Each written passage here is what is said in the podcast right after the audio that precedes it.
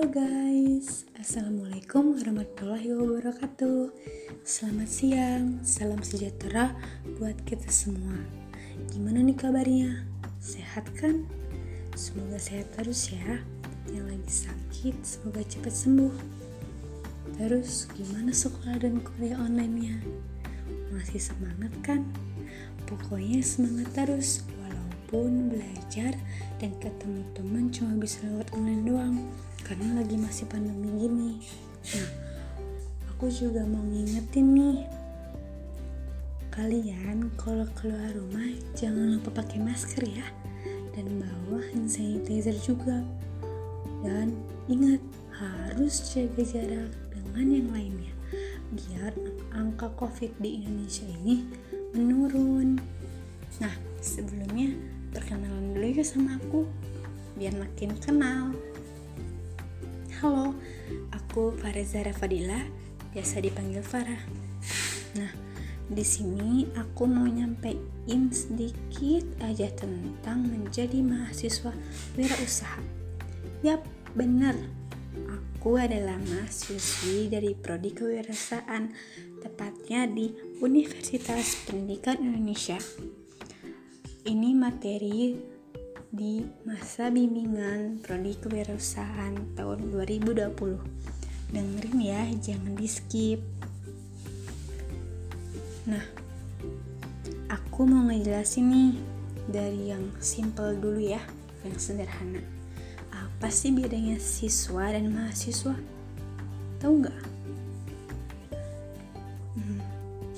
Jadi, siswa itu memikirkan lima hari ke depan, sedangkan mahasiswa berpikirnya sudah lima tahun ke depan. Dari sini, paham nggak bedanya siswa dan mahasiswa? Nah, terus kalau bedanya kamu dengan mahasiswa lain itu apa sih? Jawabannya itu ada di jurusan kamu saat ini dan hal yang kamu lakukan selama kuliah. Nah, itu bedanya kamu dengan mahasiswa lainnya. Terus, wirausaha itu apa sih? Kan materinya menjadi mahasiswa wirausaha. Nah, wirausaha itu kegiatan yang dilakukan oleh seseorang yang berani mengambil resiko untuk membaca peluang sebuah usaha yang akan atau sedang dilakukan. Nah, sampai sini paham kan apa arti dari wirausaha itu? Terus, dengan berwirausaha juga kita dapat percaya diri, mampu berkreativitas dan berinovasi, berorientasi pada tugas dan hasil, berani dalam mengambil resiko, berorientasi pada masa depan, tentunya mampu memimpin.